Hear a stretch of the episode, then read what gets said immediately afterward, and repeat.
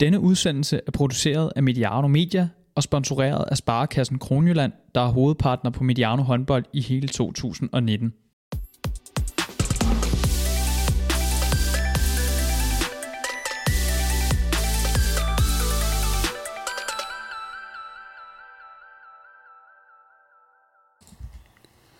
Første runde af spillet i Herligaen, og det var noget af en start med øh, masser af mål, øh, godt spil og også et par overraskelser.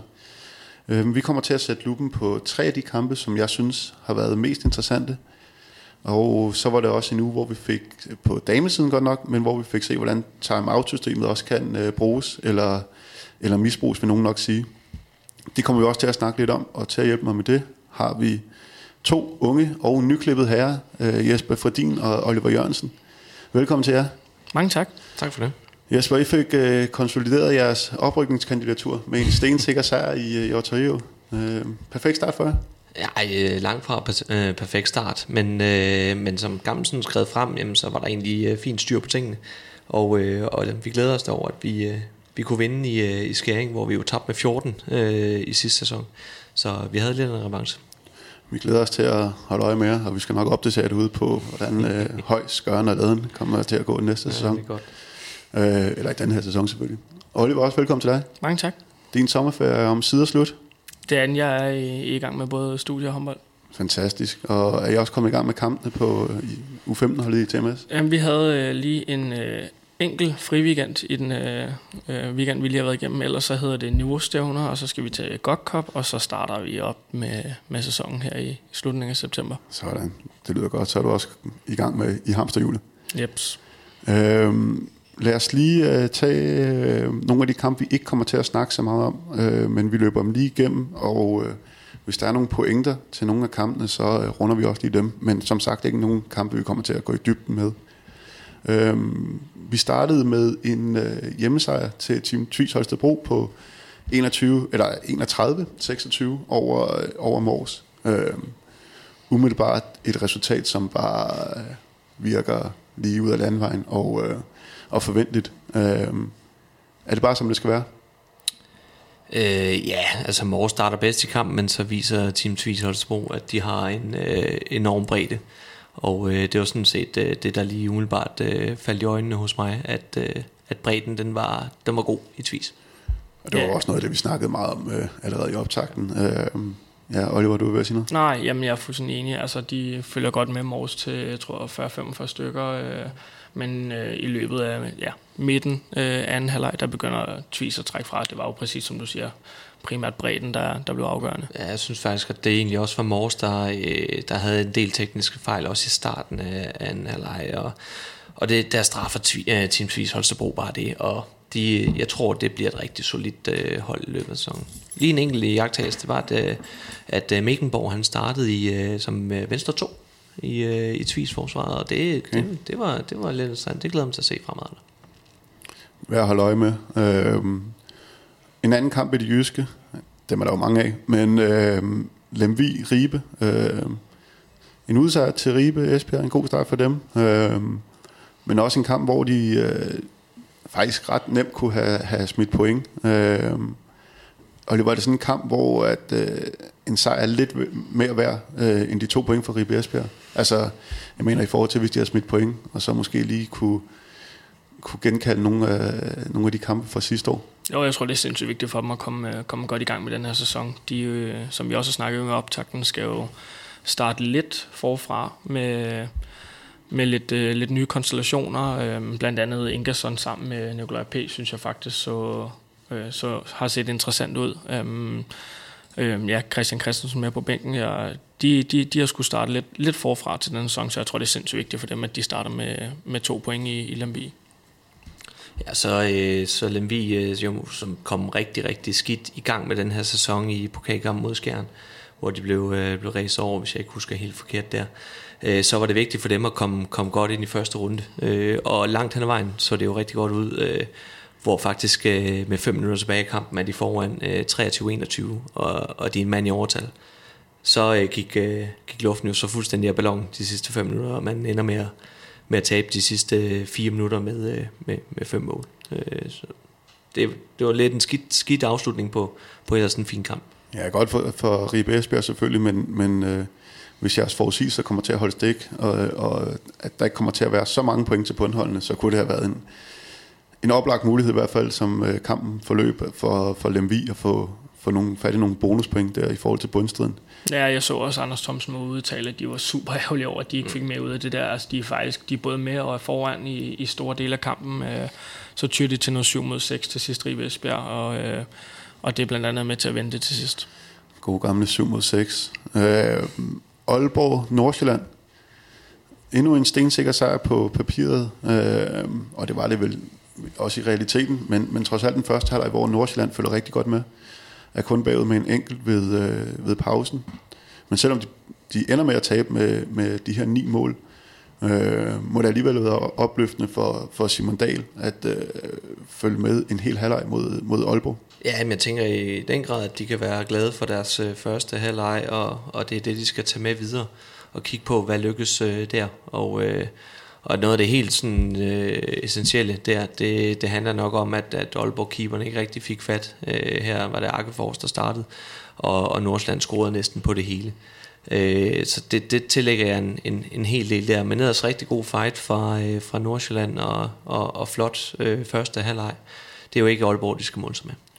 Nej, nu nævner du det selv. Øh, Nordsjælland scorer 17 mål i første halvleg, øh, og scorer så kun 8 mål i anden halvleg. Øh, så der er i hvert fald øh, der er sket lidt, øh, lidt der. Det er jo egentlig lidt spøjs, fordi altså, selvom det ene hold vinder med 9, så tror jeg egentlig, det er sådan en kamp, hvor begge hold går derfra med egentlig en okay fornemmelse. Øh, selvfølgelig er det aldrig øh, sjovt at tabe en, en, en ligapremiere med 9 mål, men jeg tror egentlig, Simon Dahl tager, tager masser af ting med øh, for den her kamp. Øh, Tobias Jørgensen, fejlen bliver mange i anden halvleg, men, men leverer egentlig okay. Kisum holder egentlig et stabilt højt niveau. Mathias Campbell kommer ind og, og, og leverer egentlig også fint.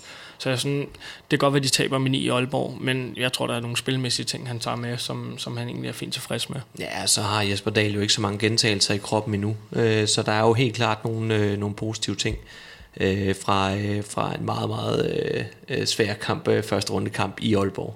Så, så jeg tror egentlig heller ikke, at, at, at, at Nordsjælland, de, de tænker, det var forfærdeligt selvom at de blev udraderet i anden halvleg. Det kunne de jo sagtens være blevet hele kampen igennem. Det gjorde de ikke. De gjorde det godt i første halvleg. Så skal vi også lige have sat bord på Skanderborg Bjergbro. Øh, måske ikke en kæmpe sensation, at Bjergbro vinder kampen, men at de vinder med 11 mål øh, over et hold, som vi har haft store forventninger til, og som er et af de hold, som har holdt sammen på stort set hele truppen, som, hvor at indkøringsfasen måske ikke burde være lige så lang. Øh, Ja, er det ikke også overraskende for, for jer?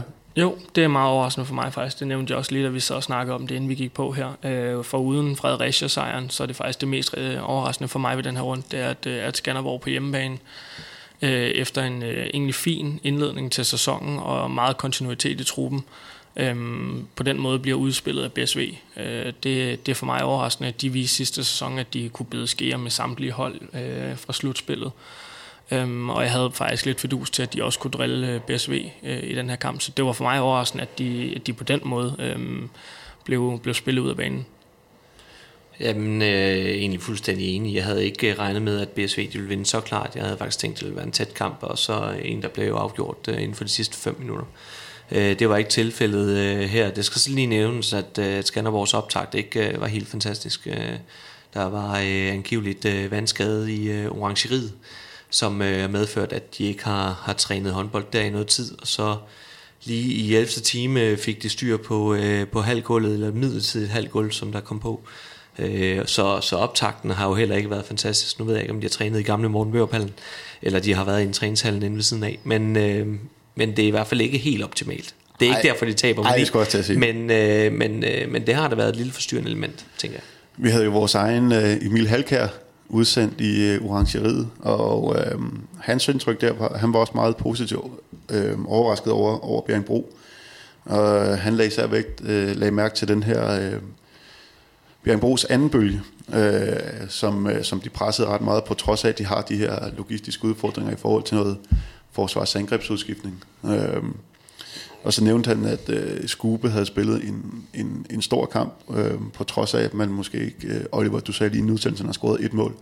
Men, øh, men derfor kan man jo godt have spillet en, en rigtig flot kamp. Det var i hvert fald ordene fra Emil Halkær, så det er ham, der skal stå på mål for det. Ja, det kan man så sige, at i forhold til de her logistiske udfordringer, som, øh, som du nævner, så øh, har det jo så vist sig, at der har været en lille plan med, øh, med Mads Kjeldgaard øh, Andersen, som, øh, som jo har løst roller øh, mod Skanderborg som, øh, som venstrefløj. Øh, der har jeg aldrig set ham spille før, og det er en, jeg ikke kan kunne. Øh, og jeg har heller ikke øh, altså set øh, selve afslutningerne derudefra. Men, øh, men jeg kan se, at han gjorde en fin, fin øh, figur, og han dækker en rigtig god tur. Så øh, smart træk, synes jeg. Yes, så er vi kommet til nogle af de kampe, hvor vi kommer til at bruge lidt mere tid på. Øh, nok den kamp, jeg var mest spændt på, inden runden startede, i forhold til, hvor holdene stod. Det var øh, Aarhus mod, øh, mod Kolding. Øh, ja, Aarhus ender med at vinde kampen øh, med 35-30, en masse mål. Vi havde snakket om, øh, især Nikolaj Læsø kom til at skulle spille rigtig meget, øh, spille, bruge rigtig meget tid på banen og have en hel masse skud. Øh, det led han op til, i hvert fald den her kamp. 18 skud øh, og rigtig flotte 12 rene mål til, øh, til følge. Sammen med Anders Martinussen, han havde, som havde 15 skud, og Torben Petersen, som havde 9 skud, øh, stod de til sammen for 75 procent af, af alle årets afslutninger. Øh, og også lidt i forlængelse af det, vi snakkede om sidst, at det måske et billede, som vi kan, øh, som vi kan forvente resten af sæsonen? Ja, det, det er præcis sådan, jeg forestiller mig. Altså, ja, lige nøjagtigt der var jeg absolut overhovedet ikke overrasket over, hvad det var, der foregik. Øh, og der kan man sige, der passer øh, Ulf Sivertsens øh, flade 6-0 jo de tre bagspillere rigtig, rigtig fint, der gerne vil løsne udefra. Øh, så på den måde rigtig, rigtig fint øh, for Aarhus. Øh, at få, øh, få de tre spillere i gang. Det er de tre, der skal løfte læsset, øh, og det, det er, øh, det er øh, når de skal skifte ud, at de kommer til at hænge en lille smule forestiller jeg mig, at de spillede alle tre stort set fuld tid øh, i, i den kamp. Øhm, og når de leverer på det her niveau, så er det jo et godt hold. Det, det, det kan der ikke være nogen tvivl om. Øhm, men det er ikke sådan, at jeg sidder og er fuldstændig øh, faldet på halen over det her Aarhus hold, fordi de slår Kolding i, i, i, i den første kamp. Deres tre bedste spillere, vigtigste spillere, de, de præsterer på et højt niveau. Det er mere, når de møder nogle hold, som, øh, som kan trykke dem over 60 minutter, og hvor de, når de skal begynde at skifte, at jeg, jeg spår det her hold får lidt udfordringer. Ja, så også når vi kommer senere hen i sæsonen, det er første runde, øh, det vil sige, at der er fuld power, øh, og jeg skal love for, der var fuld power øh, hele vejen igennem. Øh, og jeg synes, det er en vanvittig sjov kamp at se, øh, fordi at, øh, at de kommer med det her tryk. Øh, Læsø, der buller på hver gang, Anders Kram Tinusen buller på hver gang, Torben Miller buller på, hæft, der er smæk på, mm. altså på det Aarhus hold der. Øh, det tror jeg ikke, de kan se over en hel sæson, øh, og særligt ikke, hvis de ikke skifter mere, end de, øh, de gjorde. Men øh, vanvittigt sjovt at se. Jeg synes, det er et sjovt produkt, når, øh, når, når, når der er så meget fart over feltet, og med, øh, med 65 mål i kampen, så er jeg også ret øh, overbevist om, at, øh, at øh, boldbesiddelsen den var, den var relativt højt op og noget på det højeste i, i hele første runde i hvert fald. Nu nævnte du det, Oliver. Jeg har også skrevet ned, at Koldings forsvar ligger godt til, til præcis et øh, hold som, øh, som Aarhus. Øhm, hvad ville løsningen være for Aarhus, hvis man, hvis man gik lidt længere frem og, og, og mødte dem? Øhm, nu nævner I selv, at det måske ikke lige er bredden, de har, de har, øh, ja, der er en af deres kompetencer. Jamen, så kunne man jo gøre det, at man øh, eksempelvis øh, smed en Tobias Møller ud og være playmaker, der måske skulle brodere det en lille smule øh, mere op, hvis de mødte noget offensiv forsvar. Ellers så så vi jo sidste sæson, at de praktiserede en del 7 6 øh, og det tror jeg også er noget af det, de vil øh, ty til, hvis, øh, hvis de bliver udfordret mod det offensive forsvar. Ja, jeg tror også, så bliver det måske mere øh, præget af, af noget, noget duelspil bredt i banen øh, for for specielt øh, Martinussen, også, øh, også Læsø. Øh, og, øh, og, og det er klart, hvis du tager skuddet væk øh, øh, ved, at, ved at, at gå lidt højere op i banen, så er det klart, så tager du mange af de afslutninger væk, specielt for, for Torben også. Øh, så, så der kan jeg godt igen også se, øh, at de, de kan blive udfordret på, hvis, øh, hvis modstanderholdene de, de, de vælger at, at gribe det taktisk an på den måde. Øh, men det bliver igen spændende at se, fordi Øhm, kommer de så til at, at, at skal spille det her 7 mod 6 spil? Jeg kan ikke se, så skal, er det Peter Lund, der måske skal med op, eller hvad? Altså, så skal Bessert måske spille 60 minutter i nogle af kampene, og jeg, jeg, jeg, jeg kan se masser af punkter, hvor på det her Aarhus hold, det kan blive udfordret øh, rent taktisk. Men øh, sidste sæson var det jo en venstrefløj, de brugte øh, som, som den korte stregspiller, der løb tidligt ud.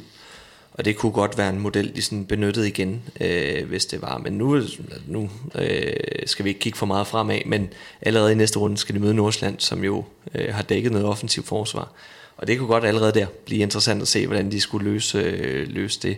Fordi den samlede load vil nok blive øh, væsentligt større, eksempelvis på en Læsø, eller øh, ja, faktisk de tre, vi lige har nævnt, ikke? fordi at det bliver øh, i højere grad duelpræget. Så der skal de bruge endnu flere kræfter, end de brugte den her kamp, og de brugte saftsus med mange kræfter. De må have været trætte bagefter, ingen tvivl om det. Øhm, nu, nævner, nu nævner du selv øh, Peter Lund, øh, så lad os kigge lidt mod, øh, mod forsvaret for, fra, for Aarhus. Øh, hvordan, øh, hvordan, hvordan så, I, så I det? Altså, vi snakkede jo lidt om sidst, at de godt kunne blive nogle, få lidt udfordringer, når, når de bliver udfordret direkte ned på deres træer.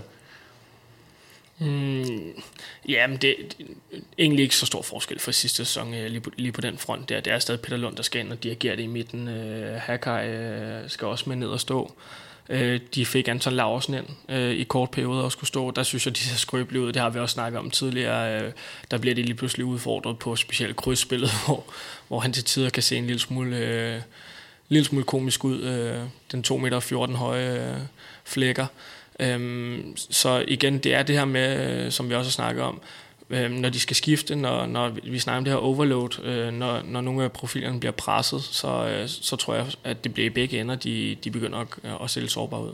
Ja, det er jeg også enig i, og sidste år praktiserede de øh, en del offensiv forsvar. Det tror jeg ikke, de kan i samme stil i, øh, i år have det som våben, fordi det er også ekstra hårdt at skulle dække noget offensiv forsvar, og når der i forvejen er tryk på ankomstfase, stationært angreb, øh, med en power, som, som, som jeg ikke lige umiddelbart ser på andre hold lige nu, så, øh, så, så tror jeg ikke, man kan kaste et offensivt forsvar med ind. Jeg synes, at deres start syver øh, på, øh, på defensiven så, øh, så fornuftig ud. Øh, ingen tvivl om det. Øh, men, øh, men igen, når udskiftningerne de skal komme, så, øh, så falder niveauet. Så hvis en håndboldkamp kun varede, lad os sige, to gange i kvarter, så havde Aarhus været et helt andet, øh, øh måske en anden slutplacering i forhold til nu har I begge to tippet mod af slutspillet. Det kunne jeg godt forestille mig faktisk. Ja, for Søren, der er, altså, det er da perfekt, øh, perfekt hold til at skal spille, øh, spille 2 gange 15 det må man sige. Sådan noget powerplay-agtigt, ja. hvor det bare er fuld hammer i, i en kort periode. Og det, det skal vi lige have med, det synes jeg også er fedt. Altså, så er der en situation i anden halvleg, hvor Læsø han bliver grebet ud på øh, en af hans øh, få dårlige afslutninger. Jeg synes faktisk, der er stor kvalitet i, i størstedelen af de, øh, de 18, han har der. Så blev han grebet ud, og det, den kunne jeg også have grebet. Det var, det var virkelig dårlig afslutning. Men så har han altså de næste to-tre afslutninger. Dem tager han også, og han buller bare på og laver mål på dem det synes jeg kraften det er fedt. Altså, jeg, jeg må nok, jeg, altså, jeg er fandme Læsø-fan. Det er fandme sjovt at se. Altså, det, det, det er sjov håndbold. Det, det, og det er jo den der no-nonsense, de generelt ja, har. De der. Altså, Martinussen har den også, så laver han en teknisk fejl, så næste gang, så ruller han tunnel fuldstændig på ydersiden. Altså, det, de, de, de virker ikke nogen overhovedet til at være rørt, de tre af at lave tekniske fejl, og, og de får vel også bare besked på ud fra bænken. Det der, det er fuldstændig ligegyldigt. I trykker bare på igen næste gang. Altså, det må være, det må være konceptet. Ja, men det gør det. Det, det, det har jo trådt helt tilbage fra, altså nu har han jo været der i, øh, i, øh, altså fra jeg startede med at spille håndbold øh, nærmest til, til nu. Øh, jeg var i Aarhus med, med en kort pause, men øh, altså det var allerede fra dengang, at øh, den regel med, at vi måtte, øh, alle, alle ikke skulle være ned over, ned over middellinjen, før man måtte give op. Altså vi spillede jo flere kampe mod dem, hvor at begge hold scorede over 40 mål, så det har jo været, det er jo helt tilbage fra, fra den gang, hvor det bare har været det aftryk, som er, måske det mest øh, tydelige hold øh, i, i, i håndboldligaen, hvor man bare ved, hvad de, øh, ja, hvilken filosofi de praktiserer. Øhm, hvis vi kigger lidt mod Kolding, medmindre I har øh, mere, til, mere til Aarhus. Øhm, ja, også, øh, også et hold, jeg var, jeg var meget spændt på. Hvordan, øh, lad os starte med nogle af ja, det her nye Kolding-hold hvad, med Ulf Sivertsen. Lad os starte der. Kunne I se nogle aftryk fra Ulf Sivertsen? Nævnte selv øh, 6-0-forsvaret. Ja, jeg synes egentlig også, vi skal starte der. Jeg synes, det, det var, det var, det var tydeligt afsat. De var, de var mere flade, end, end de også var sidste sæson, hvor, hvor de egentlig også praktiserede en lille smule med, med Jens øh, Svane fremme. Øh, øh, lidt mere stødende, stødende bevægelser, specielt i midtzonen. De var pandekageflade, og det kan egentlig øh, godt undre mig lidt, at man, de behøver ikke nødvendigvis give forsvarsformation, men så regulere lidt i noget højde, når man spiller mod øh, tre spillere, der er dygtige for distancen at, øh, at de ikke prøver at gøre mere ved det. Jeg synes, de bliver udstillet på, på de situationer, hvor, hvor de tre de rammer, rammer en forsvarsspiller, der er flad. Altså, så er der mål, øh, og der er som minimum en god afslutningsmulighed. Og det, når du nu, det, det var jo ikke noget, der kom i løbet af kampen. Det var fra første fløjt til sidste, at det var de tre, der trykkede på. og, og løsnede hver gang der var en halv mulighed. Hvorfor man ikke prøver at regulere en lille smule i højden øh, og få noget mere dybde i det forsvar. Men nu er det også første kamp, der kan jo også være noget sikkerhed i, at... Øh... Utvivlsomt, men, øh, men man kan godt forsøge at gøre nogle ting i løbet af en kamp, og det, det savner jeg en lille smule. Altså, der er ingen tvivl om, at, øh, at de har travlt i Kolding. Øh, de har rigtig travlt, fordi det er en ny øh, konstellation, ny træner, de skal køre et nyt koncept ind. Øh, og, øh, og for mig er det tydeligt at se, at de, ikke, de, har, de har ikke noget alternativ endnu. Og det er heller ikke sikkert, at de kommer til at arbejde derhen imod et alternativ. Så jeg tror, hvis de, hvis de selv kunne vælge, så ville de nok ikke have Aarhus i første runde. Det, det fik de så, og jeg tror også, de var med på, at deres forsvar måske ville blive udfordret på, på den her power og skuddene fra, øh, fra distancen, og, øh, og det, det, det tænker jeg måske, at de, de er lavet over, men jeg synes egentlig, det er øh, fint, at de bruger øh, kampen til at, at forsøge at blive dygtigere, for sæsonen den er lang, og det er ikke i dag, den bliver afgjort for Kolding. Øh, og jeg synes, der, der var nogle, øh, nu laver de 35 mål, men der var også virkelig, virkelig, virkelig mange boldbesiddelser, at de, at de forsøger at, øh, at få, øh, få fintunet det her koncept, som de har kørt ind. Øh, det blev bare ikke mod Aarhus, men øh, sådan det. Øh, ja, der var en hel masse spillere, som vi også rundede i, øh, i, øh, i optakten. Øh, nu har du nævnt ham, men en øh, Jens øh, Peschart, øh, han øh, spiller, en, spiller en stor kamp øh, i, an, i angrebet øh, også. Ja, er det, øh, bliver det ligesom deres nye... Øh, jeg synes jo allerede, at han bevægede sig derhen af i sidste sæson. Øh, selvfølgelig også kvæg, at, øh, at de, de var lidt mere svagt besat ude bagved. Men jeg kan godt lide, at det stadig er ham, der får lov til at, at, at, at spille tunge minutter. Han spiller både playmaker, venstre bak, højre bak, bliver egentlig kyldet lidt rundt, hvor der nu lige er brug for det.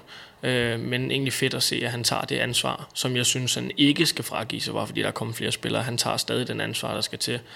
han afslutter 12 gange, han har 5 assist, 8 mål øh, Øhm, og egentlig meget direkte i hans spil, det kan jeg godt lide. Øh, man kunne godt frygte lidt, at han ville komme til at spille en lille smule sidelæns, når øh, nu Troels kom lidt med øh, Tunnel på den ene side, øh, men det er det ikke, han spiller direkte. Øh, han er han er egentlig, synes jeg også, øh, hen over sidste sæson, øh, den her kamp med, blev også lidt skarpere på sin brud, øh, spiller, spiller øh, lidt mere tons på, på de her situationer. Det kan jeg egentlig godt lide, det synes jeg klæder ham. Ja, og så øh, jeg var lidt overrasket over, at han startede øh, som, øh, som højreback. Øh, jeg havde øh, i en af optagspodcastene øh, håbet jeg, at Jens han ville få en, en rolle med de her nye signinger, de har lavet, og så startede han på højre bak, det var jeg lidt overrasket over. Jeg tror så også, at øh, Arne Bragi, han, jeg tror slet ikke, han spillede. Nej, det øh, det og det samme øh, gælder øh, Martin Mau Larsen. Øh, spillede vist heller ikke. Jeg synes ikke, jeg så nogen aktioner i hvert fald. Øh, så, øh, så det kan jo have noget at gøre med skader, men han fik i hvert fald vist sig rigtig flot frem, og jeg synes, han var, øh, var Koldings bedste, bedste mand set over kampen. Jeg synes, han bragte noget, noget god power, noget, god, noget godt flow, var god på duellen, som bliver sagt, og også nogle, nogle fine assister og, og distanceskud. Så det var sådan en, en bred palette af, af, af fine ting, og løste egentlig defensiven nogenlunde. Og generelt må de jo være tilfredse med angrebet i Kolding. Øh, du nævner selv de to formodede øh, førstevalg på højre baks. Øh, ikke spillet. Øh, procenterne ser rigtig fine ud, og de, de scorer 30 mål og holder de tekniske fejl øh, sådan forholdsvis fornuftigt ned. Så angrebsmæssigt vel en, øh, en okay kamp af Kolding. Ja, altså nu har jeg ikke helt 100% styr på, hvor mange boldbesiddelser der var i kampen, så jeg ved ikke, hvor, hvor, hvor, hvor godt de 30 mål øh, var. Jeg, sådan, når jeg lige så den, så var virkelig, virkelig, virkelig mange øh, boldbesiddelser. Øh, og jeg synes også, at de fik det en lille smule svært i løbet af den her leg, øh, hvor de måtte ty til noget øh, 7-6-spil øh, i Kolding-lejren. Øh, øh, men, øh, men jeg tror alt i alt, øh, selvfølgelig er man, øh, er man ikke øh, tilfreds med at tabe i den første runde kamp, men jeg tror egentlig alt i alt, så var der mange gode ting øh, for, for Kolding at tage med øh, fra den her første runde. Øh, klart nogle ting at arbejde videre med, og får man nogle folk øh, mere klar, hvis de er skadet, så, øh, så synes jeg jo egentlig også, at bredden den er rigtig god. Ja, altså jeg synes egentlig også både Morsen og Benjamin Pedersen spiller, spiller egentlig en udmærket kamp med på stregen. Benjamin Pedersen synes jeg ser fedt ud. Øh, ligner en, der, der, der er i god form, øh, har måske tabt sig et par kilo. Øh, tror jeg kan komme til at blive en gevinst for dem deroppe. Øh, så er jeg en, en lille smule skuffet over Chris Jørgensen. Øhm, synes, han kommer til at spille lidt for sideland, specielt når de tyr til deres 7 mod 6 til sidst, hvor han jo egentlig rigtig gerne vil pumpe noget tempo ind i det. Øh, men det bliver for lidt ham selv, og, og for meget øh, spille den videre. Der, der kunne jeg godt tænke mig at se en Chris Jørgensen, der gik lidt mere på kassen. Ja, altså har reelt kun tre afslutninger i kampen, ikke? Det er altså for lidt, når man spiller så meget, og, og er en profil, som, som Chris er for, øh, for Kolding. Øh, så, øh, så jeg er faktisk enig, jeg kunne godt tænke mig, at der kom nogle flere af de her stående skud, øh, eller skuddene på kant. Jamen lad os, øh, lad os også bare lige rundt den tredje, øh, selvom man ikke havde en, en stor impact, men øh, øh, den tredje de spiller, som vi også snakkede om i, øh, i optagsudsendelsen, som var, var kommet til, øh, Troels Jørgensen. Øh, ja, hvad, øh, er det, er det, var det for lidt, vi så til ham, til at man rigtig kan sige noget om, øh, om hans øh, niveau, og hvordan han er faldet til? Jeg spiller jo stort set ikke angreb. Nej. Øh, øh, tror, han får en lille smule tid på højre bak øh, i anden halvleg. Ja, i 7 6 ja. Ja, øh, så det synes jeg ikke rigtigt, vi skal, vi skal lægge så meget, øh, meget i lige nu. Øh, som jeg så det, fik lidt tid defensivt, men, øh, men øh, man var jo sammen med resten af Koldingholdet og øh, udfordret på, på, på, at de blev for flade og fik sat for få taklinger. Øh, så jeg synes, øh, Troels Jørgensen er svær at være klog og blive klog på, på, på baggrund af den her kamp. Der synes jeg, vi skal se ham øh, have lov til at udfolde sig, også forhåbentlig på noget venstre bakke i løbet af sæsonen først. Ja, jeg var faktisk lidt, øh, jeg var lidt ærgerlig over ikke at se øh, flere minutter øh, på Troels, fordi at, øh, jeg oplever ham som en... Øh, som en rigtig stærk forsvar, der også godt kan lide at, øh, at, at takle, øh, takle lidt ekstra hårdt. Og det var der måske lidt behov for i den her kamp mod, mod nogle fine skytter. Øh, og, og, og med 35 mål imod sig, øh, så, øh, så havde jeg set, at, øh, at Troels han kunne bidrage en del til den defensiv. Øh, om ikke andet, så er han i hvert fald en, øh, en høj fyr med lange arm, der kunne have dækket lidt mere på paradespillet i forhold til, til deres 6-0. Men generelt, øh, grund til optimisme for begge hold på baggrund af den her første, første rundekamp. Jeg skal bare lige høre for din, du holder fast i øh, Kolding over Aarhus. Ja, men Kolding, de bliver, øh, de, de bliver bedre, de bliver dygtigere. Det, jeg, tror, øh, jeg tror, det skal nok blive rigtig fint. Godt, lad os prøve at gå videre til den anden kamp fra i går. Øh, Sønderjyske mod Skjern. Øh, ja, den ene af de to største overraskelser. Øh, vi kommer til at snakke om, øh, om den anden bagefter.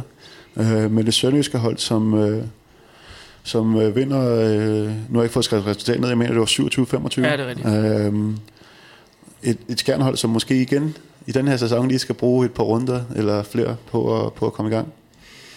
Mm, ja, det ved jeg ikke. Altså, de, de skal jo også have spillet, øh, spillet noget, noget nyt koncept ind med to nye trænere, øh, som sagt Ole Nørgaard og, og Kronborg væk, som havde været der i syv år. Så det, det tager helt naturligt også lidt tid at, at skal ind i det koncept. Så var der øh, nogle små øh, logistiske ting med, Anders Eckert må udgå efter syv minutter, og de skal spille med Thomas Mogensen og Elver Jonsson på den venstrefløj resten af kampen det er sådan noget, når man, øh, når man har, har trænet taktisk op mod en, en premierekamp, øh, øh, og lige pludselig skal man til at lave helt om i, i konceptet efter syv minutter. Det er sådan noget, der sætter sig. Øh, og det, det synes jeg egentlig, det er bare en, desværre en lille smule offensiv præg for, for skærnen i løbet af kampen. Ja, også fordi Sønderjyske kunne begynde at, øh, at pakke lidt mere ind og acceptere afslutninger fra venstre fløj. Øh, så det var, det var faktisk det var sådan lidt en kedelig udvikling, synes jeg, på, øh, på kampen, hvor, hvor jeg godt kunne have, øh, have set en, et andet udfald, hvis det var, at, øh, at Anders ikke var blevet, øh, blevet skadet. Så det var, det var, sådan, det var sådan lidt ærgerligt, synes jeg faktisk. Ja, så når man har glædet sig, jeg har glædet mig sindssygt meget til at, at se Elver Jonsson øh, øh, komme i den her anden bølge, øh, tryk på, øh, specielt ind i midtzonen, så var det da ærgerligt at skulle se ham spille øh, så mange minutter på venstrefløj. Det var ikke det, jeg havde håbet på. Nej, og uden at vi skal sådan skyde for meget, så lignede det ikke, at han har haft øh, vanvittigt mange afslutninger derudefra i, i hans øh, forholdsvis unge karriere. Det så lidt akavet ud og indspringet, og det, det er bestemt ikke, øh, det er ikke der, han er bedst. Lad os sige det på den måde. Og med hans, øh, hans målhistorik øh, øh, op for, for Selfos, så tror jeg ikke, det er mange kampe, han er gået fra banen med, med 0 scoringer på fem forsøg. Det, det, må, det må nærmest være en, en first for ham, tænker jeg. Så lidt, lidt ærgerlig start for, for ham, øh, og det, det, det forestiller jeg mig også, de tænker op i skjern, at, øh, at vi kommer ikke til at stå i en situation øh, forhåbentlig fremover, hvor at, øh, at, at Thomas Mogensen og, og Elver Jonsson skal tage vanvittigt mange afsløringer ud for den venstre fløj. Nej, det er i hvert fald en del ressourcer, der, der går til spil ved at, ved at have, dem, have dem rendende derude. Øh, vi snakkede lidt om Mogensens rolle inden, øh, eller i optakten. Det er, må, det er måske også lidt svært, svært at, at, at blive meget klogere på, når nu øh, Eggergod og Bjarke Christensen slet ikke, øh, slet ikke var med i truppen. Øh, fordi som sagt, de delte, øh, de delte, delte tiden lidt derude. Øh, men var trods alt nogle ting i hæftede ved i forhold til hele det her puslespil med, øh, med Elver Ørn Mogensen og øh, ja. Mm, små ting. Altså det er jo stadig Jesper Conradsen, øh, selvfølgelig også kvæg, den her Anders sikkert skrevet til at starte, men det er ham, der ligger og stadig skal fordele spillet ind i midten. Det gjorde han faktisk rigtig, rigtig fint. Øh, der er stadig lidt, synes jeg, med at man godt kunne samle lidt skud øh, fra den venstre bak, øh, som man ikke rigtig har haft siden, øh, siden Olsen var i truppen. Og det synes jeg også, det virker til, at Conradsen stadig savner en lille smule. Øh. Til gengæld modsat var det dejligt at se, at Kasper Søndergaard fik lidt minutter på den højre bak. Øh, dem fik han ikke mange af øh, i sidste sæson. Og jeg synes jo egentlig også, at han spiller en udmærket kamp. Øhm, så jeg synes, jeg synes der, man mangler lidt øh, udefra, fra venstre side øh, af deres øh, bagkæde. Men øh, jeg håber jo på, at når Elver Jonsson han forhåbentlig får lidt flere minutter ud bagved, at man, man prøver at se øh, noget af det kommer derfor også. Ja, og i træningskampene har han jo øh, angiveligt gjort en, øh, en rigtig fin figur. Så jeg håber også, øh, at, øh, at der kommer lidt mere øh, fra, fra den, fordi så bliver det lidt det samme som sidste år, samme problematikker, øh, og øh, det, det, det, det, det vil være lidt ærgerligt, fordi jeg synes jo, det her skærnhold, det har simpelthen så store kvaliteter, at det vil være, det vil være ærgerligt, hvis, hvis det skal være på grund af manglende skud fra, fra distancen fra venstre bak, der, der gør, at, at, øh, at der ikke bliver åbnet op for defensiven, kan man sige. Ja, men man ikke også uh, Elver Ørn uh, nok, skal, nok skal få gang den der, den der skudarm i, uh, inden for relativt uh, kort tid. Jo, var de, i, i pokalkampen mod Skanderborg, jeg tror, han laver 11 eller 12 mål. Ikke? Uh, hvis man glæder sig i forvejen til at følge ham, så, så gjorde man det bare endnu mere efter, efter det. Ikke? Og så, så er det selvfølgelig en ærgerlig udvikling. Øhm, og det betyder også en lille smule defensivt lige pludselig. Ikke? Altså han skal med ned og dække en etter, ikke at det nødvendigvis skal være et problem. Men det er bare hele logistikken omkring det, øh, når man har siddet og trænet taktisk op til en kamp og, og, og forberedt sig på, hvilke konstellationer, der skal i spil. Så bliver man bare udfordret på, på, på nogle af de parametre, når, når tingene ændrer sig efter syv minutter. Ja, så er det jo altid ærgerligt at mangle dels en Bjarke Christensen, men også en Anders Sikkert på, på, på, på fløjen. Øhm, vi snakkede også øh, om øh, den her nye træner, øh, Patrikur øh, Johansson, som, øh, som fik sin øh, ligadebut, i hvert fald i den her, i den her sæson. Øh, nu var der selvfølgelig ikke lige så mange ressourcer at, at, øh, at fordele øh, kvæg, kvæg de her skader, men, øh, men kunne, I, kunne I se noget, i, noget anderledes, øh, en anderledes måde at gribe det an på end Ole Nørgaard?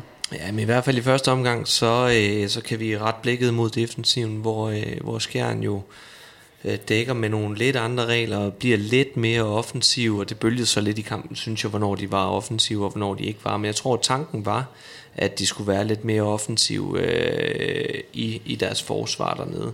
Øh, og det virker også som om, det ikke lige er helt 100% øh, afstemt endnu. Jeg synes, jeg så nogle situationer, hvor, øh, hvor Tidemand han, øh, han blev isoleret lidt og tabte nogle af sine dueller.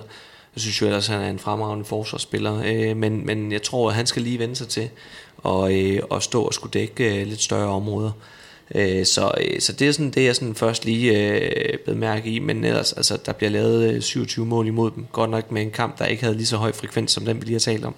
Men, øh, men, men det var ikke der, jeg oplevede, at problemerne øh, var. Så, så, så det nye tiltag omkring det her øh, forsvar, synes jeg jo, øh, synes jeg jo egentlig bestod, men, øh, men, men det kan blive væsentligt bedre, end det var. Jo, altså hvis vi kigger ind i kassen, Robin Haug står med, med 42 procent. Mm. Det vil sige, at de kan ikke være helt utilfredse med, med dels hvor de får afslutningerne fra, og, og dels samarbejdet keeper-forsvar imellem. Det, det tænker jeg egentlig, at de går for den kamp med, med en udmærket følelse på. Øh, jeg tror også igen det, at de, at de både i deres anden bølge, men, men også i det stationære angrebsspil, ikke formår at spille med det koncept, de gerne vil irritere dem. Altså 25 mål, de, de skal op og lave flere mål, skjern, synes jeg, med, med, den, med den individuelle kvalitet og kollektiv kvalitet, de trods alt har angrebsmæssigt. Mm. Så kan man sige, at nu øh, om, om hvor de gerne vil have afslutningerne, det, det skal jeg ikke gøre mig så klog på. Jeg kunne i hvert fald bare se, at der kom en del nærskud, også på, øh, på lidt yderside, og man accepterede så det ud til nogle afslutninger også, øh, hvor, øh, hvor Robin jo gjorde sig fint bemærket. Så synes jeg så omvendt måske der manglede lidt, når distanceskuddene de kom. Øh, og det er faktisk det samme billede, jeg havde i den anden ende. Øhm, Sønderjyske, de øh, fik også fordelt deres ressourcer øh, rigtig fint. Øh, de, øh, ja, hvis man kigger, hvis man kigger på kamprapporten, så får de jo øh, fordelt målene rigtig fint mellem sig. Øh, så det er måske også svært at fremhæve nogle, nogle spillere. Øh, men i hvert fald en, jeg lagde mærke til også på baggrund af det, du sagde sidst øh, omkring hans præstationer i første division. Øh, Øh, og jeg havde måske lige et, et, et ekstra øje på ham, men jeg var meget imponeret over øh, en Lasse Hammann Boritz, øh, som øh, kommer ind og bare gør det rigtig, rigtig godt. Øh, fornuftigt og solidt. Jeg tror, han har 3 på 3 og, og et par assist, par sidst i, og generelt bare var meget ag- aggressiv. Øh, det var vel en perfekt start for ham. Ja, det synes jeg egentlig, det var. Øh, Lasse, han gjorde øh, de ting, som han var god til. Kom med noget sådan dejlig ung øh, engagement ind i tingene, og var lidt kompromilløs på nogle af sine dueller, og det, han efterlod egentlig et rigtig godt, øh, godt indtryk øh, der med, med de ting, som Lasse kan i sin bedste udgave. Han ligner, ja, han ligner i hvert fald ikke en debutant i, øh, i ligaen. Ja, jeg okay. var også overrasket over faktisk, at, øh, at han havde fysikken vil jeg ikke sige, for den, den synes jeg egentlig er udmærket, men, men evnen til at komme på kant, øh, det, det var selvfølgelig fint for ham, at han spiller over for et skjernforsvar, der tog lidt mere højt, end skjernforsvaret havde gjort i sidste sæson, men rigtig, rigtig skarp egentlig på vurderingen af, hvornår han skulle skyde, og hvornår han skulle slippe bolden videre. Der var jeg overrasket over, at han så hurtigt havde fået konverteret fra første division til, til, til liganiveau på det, på det punkt. Det var egentlig, det, det var jeg imponeret over. Men jeg er egentlig ikke øh, lige så imponeret over Lasse Hermann, som jeg egentlig var for Oliver Eggert igen. For jeg synes jo, at han er den helt store øh, øh, kampafgørende øh, faktor. Øh, kommer ind, starter i, hvis jeg ikke husker helt galt, kommer ind ved i 7 mod 6. Og det, og det starter ikke så godt. Øh, men der efterfølgende, så, øh, så fik han i den grad gang i sin skud, kom med noget god power på kant, og, øh, og nogle fine, fine videre spil. Det går nok ikke direkte assist, men er med til at lægge nogle tryk ud af banen, og øh, jeg synes virkelig, han, øh, han gjorde sig øh, positivt bemærket igen, øh, og var klart, øh, klart en af dem, der satte øh, skærn forsvaret under tryk. Ja, Arne Mensing ved hvad kommer med egentlig. Det var en meget klassisk præstation for ham. Egentlig fin skud øh, fra distancen øh, og, og, og bidrager med det, han skal. Jeg synes i anden halvleg, at Jon Andersen øh, viser øh, præcis, hvad det er, han skal byde ind med. Mm. Øhm, han er jo dygtig i det her spil, hvor man, øh, man rammer nogle dueller og skal spille i høj fart. I anden halvleg, der, der får han jo virkelig ramt øh, nogle af de her situationer, han er dygtig til. Skuden ind under 3 meteren, brudende på ydersiden. Øhm, og selvom han, der sniger sig lige et par tekniske fejl ind i løbet af første halvleg, så spiller han faktisk en rigtig, rigtig fin anden halvleg. Og sammen med, med Oliver Eggert er, er de to sådan for alvor kampafgørende spillere i anden halvleg, som jeg ser det. Ja, så måske lidt negativt øh, overrasket over, at Oscar Sundefald ikke fik mere ud af det, end, øh, end han egentlig gjorde. Øh, der havde jeg faktisk set, at han kunne, kunne bidrage med en del mere faktisk. Øh, og har ikke mere end en, øh, ja, en, øh, det er ikke mange afslutninger, sådan, han, han kommer frem til. Øh, så øh, så det, det, det var lidt på minussiden, men okay, de kan jo ikke alle sammen være gode. så, øh, så jeg tror, de er ret tilfredse med i Sønderjyske lejren, at, øh, at de rammer på, på Mensing, de rammer på, øh, på Oliver Eggert, Lasse Hammann, godt indhop, øh, og Jon Andersen får, får gang i den anden halvleg, så ja, de er nok ikke utilfredse. Men det er vel netop også det, der er styrken ved Stjørnøske, at de kan tillade sig at skifte ud og lede lidt efter hvem, dem, der har, øh, dem, der har dagen, fordi de har så mange, mange dygtige spillere nede efterhånden. Øh, Oscar Sundefeldt havde en på tre i øvrigt. Øh, hvad hedder det? Ja, og ikke fordi vi har haft, jeg ved ikke, måske har vi en lille forkærlighed for Jon Andersen, det ved jeg ikke, men vi har i hvert fald brugt ret meget tid på at snakke om ham i mange andre udsendelser også. Øhm, fordi at vi har kunne se et eller andet, og det har været fedt, eller det var fedt at se ham få lov til at have endnu mere spilletid og en endnu større, endnu større rolle. Det er også fordi, det er en spiller, som jo, som jo i, i godt lå i den der periferi af at være en tredje valg på, på højre bakken, og ikke fik de minutter, som jeg jo egentlig synes, han, øh, han var berettiget til. Ikke, øh, ikke sagt noget for, når du spiller på hold med kirkelykke, så er, det, så er det naturligt nok. Men det er bare dejligt at se ham komme til en anden ligaklub med ambitioner og niveau, hvor han samtidig kan få lov til at bidrage og spille en masse minutter. Øh, så han er en af de spillere, jeg glæder mig allermest til at følge i den her sæson. Øhm, for lige at runde den her med, med deres bredde. Ja, de har bredde, og de har mange dygtige spillere, men de er også unge. Øh, og ikke, at vi skal gøre alt for meget ud af det her med alder og sådan noget. Men så vil mit bud også være, at deres topniveau er super højt, men at de også kan falde øh, og, og komme til at spille nogle kampe, hvor man tænker, nej, nej, nej, nu falder de helt igennem. Øh, det, er, det, er en, øh, det er en tese, men, øh, men jeg har bare på fornemmelsen, at, at de her unge drenge ikke hver eneste gang, de, øh, de spiller kan, kan ramme det her niveau. Fire af dem ad gangen. Øh, og det var nok til at slå skjern den her gang, de spiller en flot kamp. Men jeg har, jeg er lidt mere skeptisk over en lang sæson på, om de unge drenge de kan holde så højt i topniveau. Okay, der er måske en lille smule øh, uenig. Jeg er ikke uenig med det med topniveauet, men jeg ser egentlig Sønderjyske som et af de hold, som kan udvikle sig mest i løbet af, øh, af sæsonen. At, øh, at de, øh, de lige skal, øh, skal finde hinanden, finde niveau, fordi jeg synes også, som du siger, det, det er nogle spændende unge drenge, og, og, øh, og de har hentet nogle profiler til, altså i, i Jon Andersen her øh, primært, som, øh, som jo også skal indfinde sit niveau. Øh, så jeg tror egentlig, at Sønderjysk er de hold, der bliver bedre, øh, som øh, sæsonen skrider frem, og så kan vi så snakke om, om det man kan blive bedre, end når man slår skærm med to. Øh, og jeg er med på, at alle hold bliver selvfølgelig dygtigere, end, øh, end de er i første runde. Jeg tror egentlig bare, at Sønderjysk er de hold, der kan udvikle sig en del. Ja, og så et skærnhold, der vil kun spille med, med en side, hvis man er lidt, øh, lidt skarp. Ja, og så øh, hører det også med til historien, at, øh, at øh, Bjarne Myrhold har, har misset lidt af opstarten, og ikke haft en, en, en helt normal opstart. Og vi ved jo bare, hvor meget han betyder for, øh, for skærn offensiven især, øh, hvor han er rasende dygtig og, og laver kun to mål i, øh, i kampen i går, det er jo nærmest helt uvandt. Øh, nu ved jeg ikke, hvor mange straffekast han, øh, han fik tilkæmpet sig, det plejer jo at være i hvert fald en håndfuld. Så øh, det, det var det nok ikke i går, men, men han kommer også til at, til at være i en helt anden udgave øh, i, øh, i fremtiden, når han får lidt gentagelser. Men det var også tydeligt at se, synes jeg, på det her sønderjyske hold, at for uden når tangen var på banen, så tillod de flere skud udefra, og valgte at være kompakt omkring øh, henholdsvis Myrhold og Tidemand.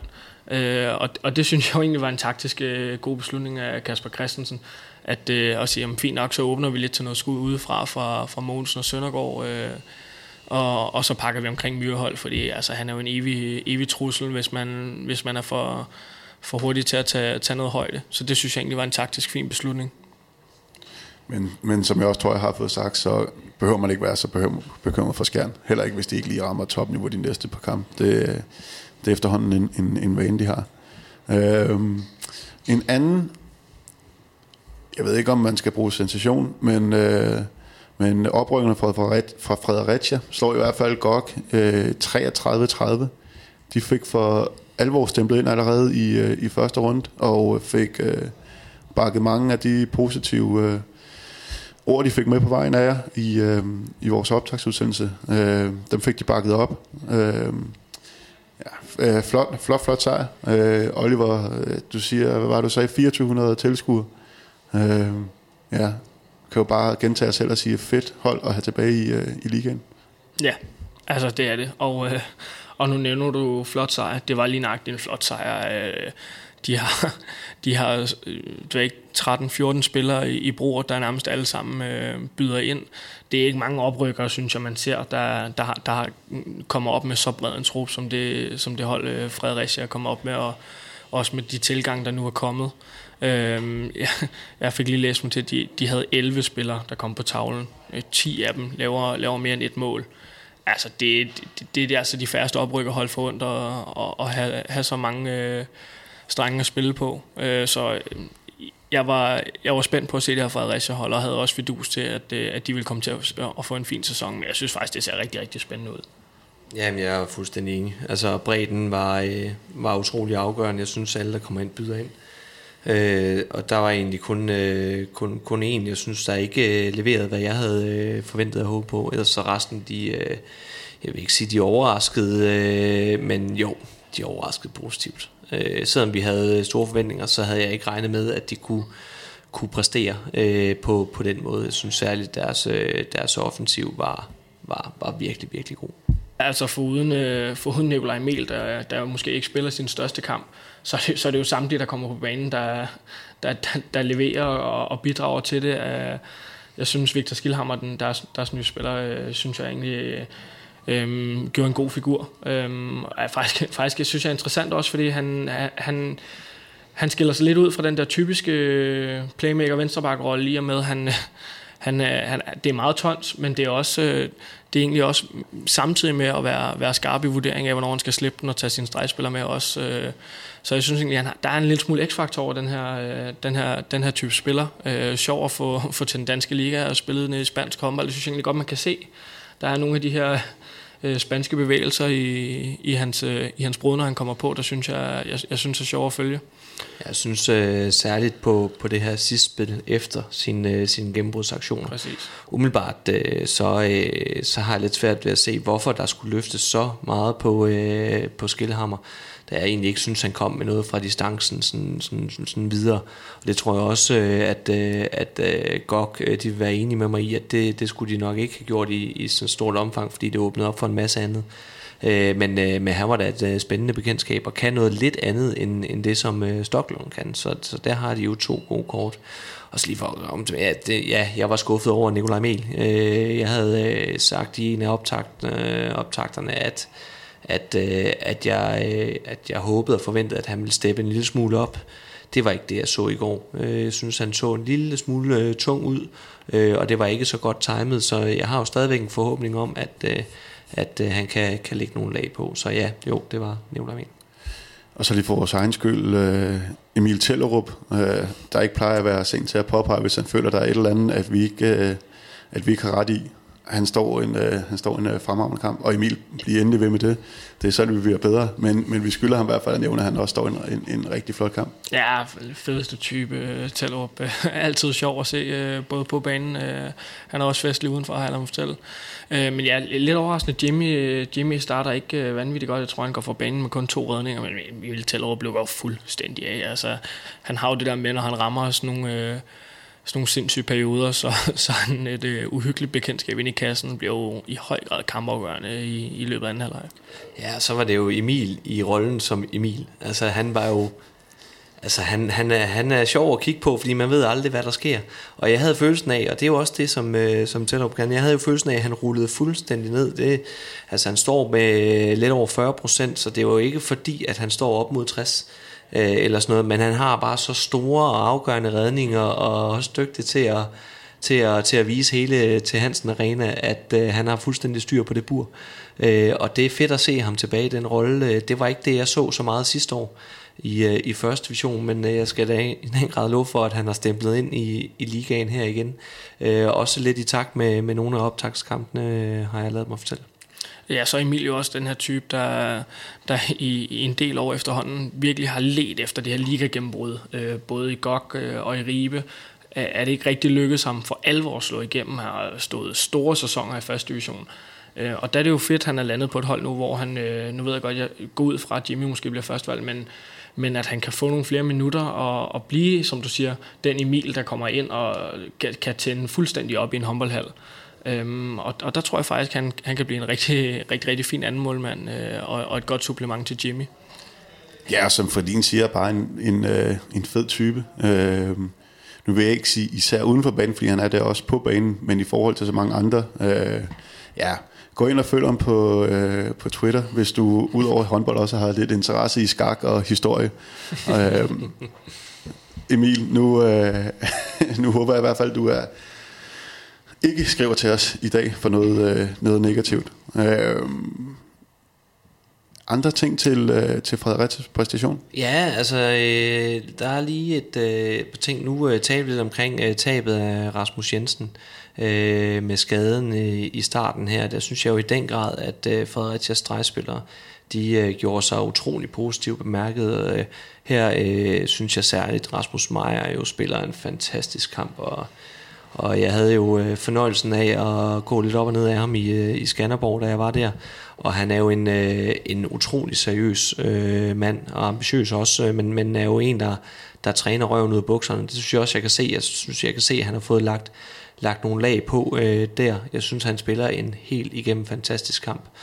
Og, øh, og så lige fået tjekket lidt op på det her med, at øh, vi fik vist sagt, at han var øh, lokal i Fredericia. Det var måske ikke Fredericia, det var måske Rask Mølle i stedet for. Men de spiller lidt i, i rød begge to og har lidt uh, lignende farver. Så, øh, så den, den er ikke så slem, den, øh, den lille bomber, vi lavede der. Mm-hmm.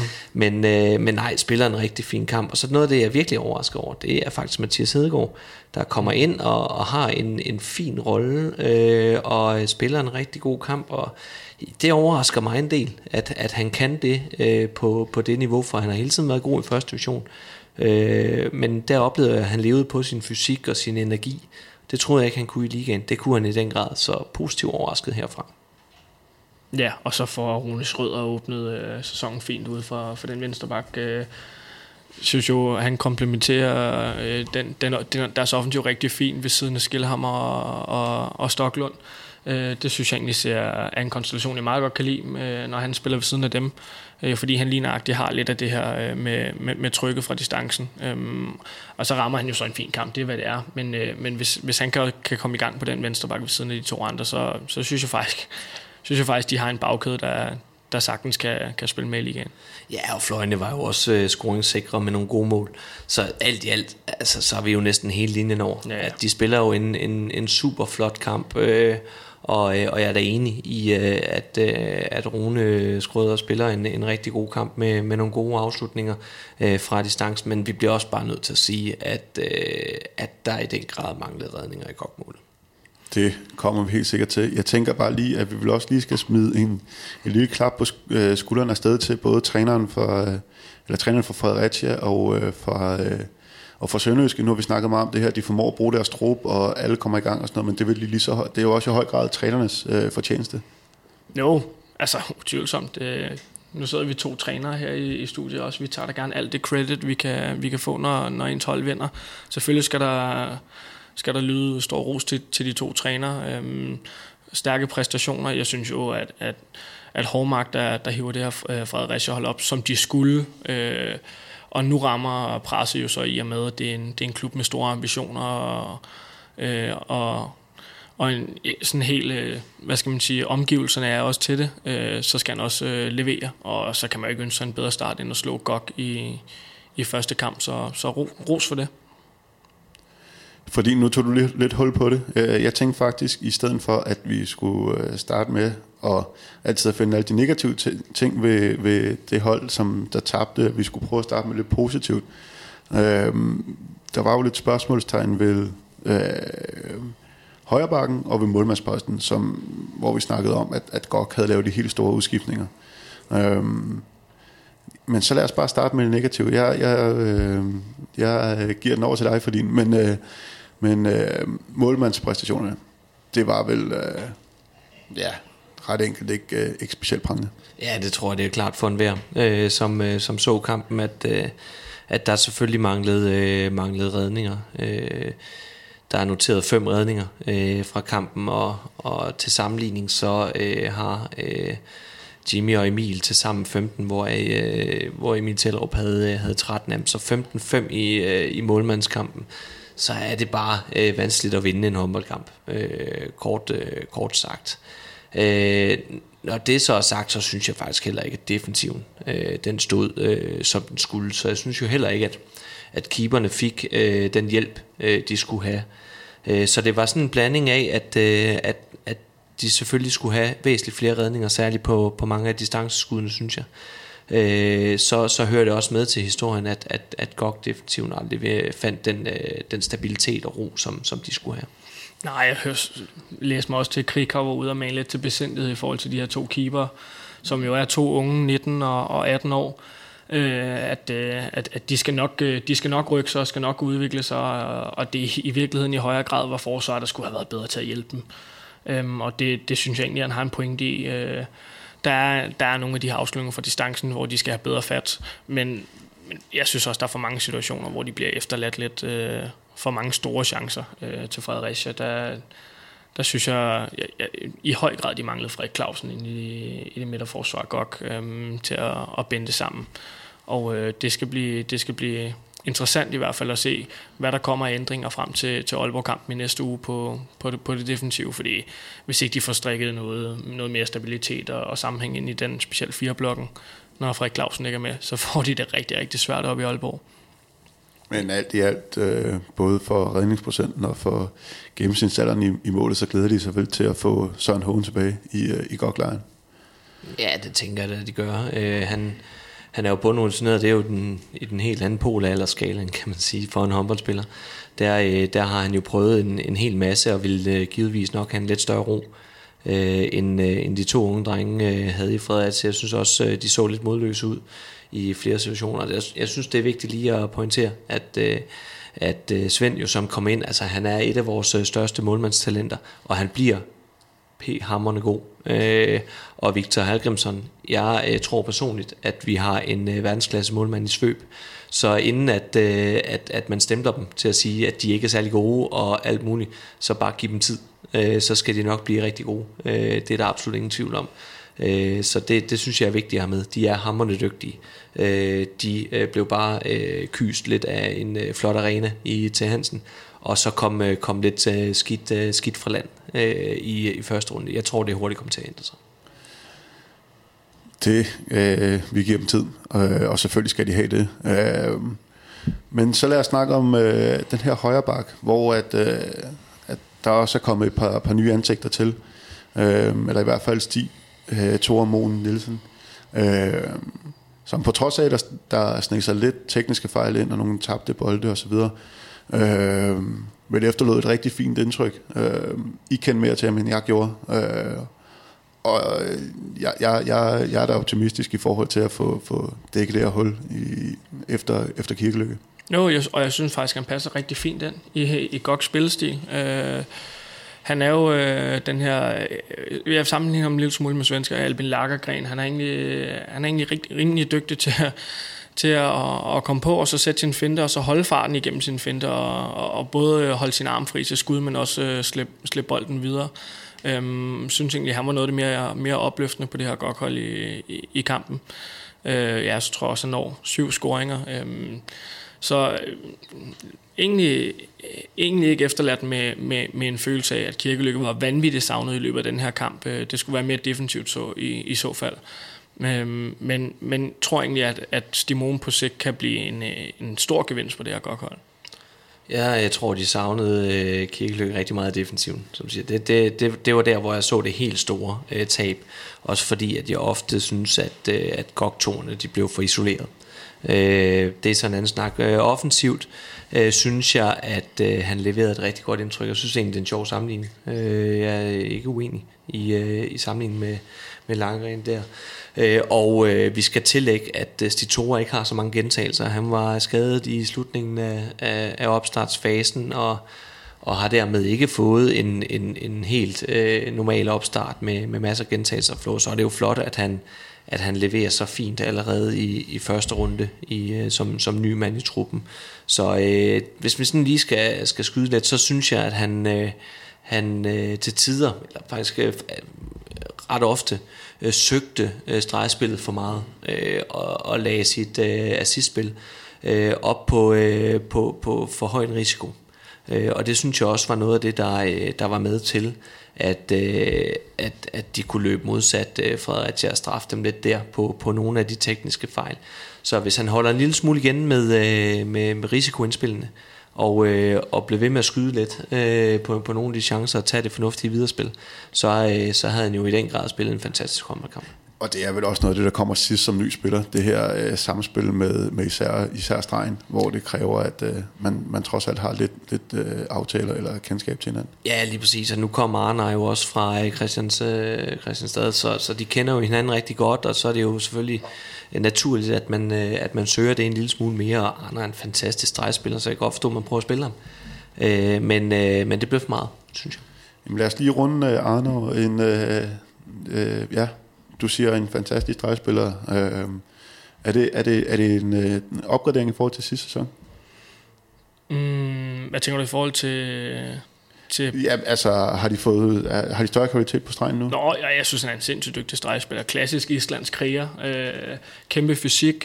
Dygtig på indspillen, der kommer nede. Det er måske egentlig i virkeligheden der... Øh, øh, også, øh, også noget af historien skal ligge, det er, at... Øh, at tidligere synes jeg, man så flere indspil for, for både Møller og Kirkeløk ligge i det, i det høje område, så, så er Andersen en, en spiller, der er dygtig til at ligge ned i lave leje og få, få indspillene stusset ind til ham.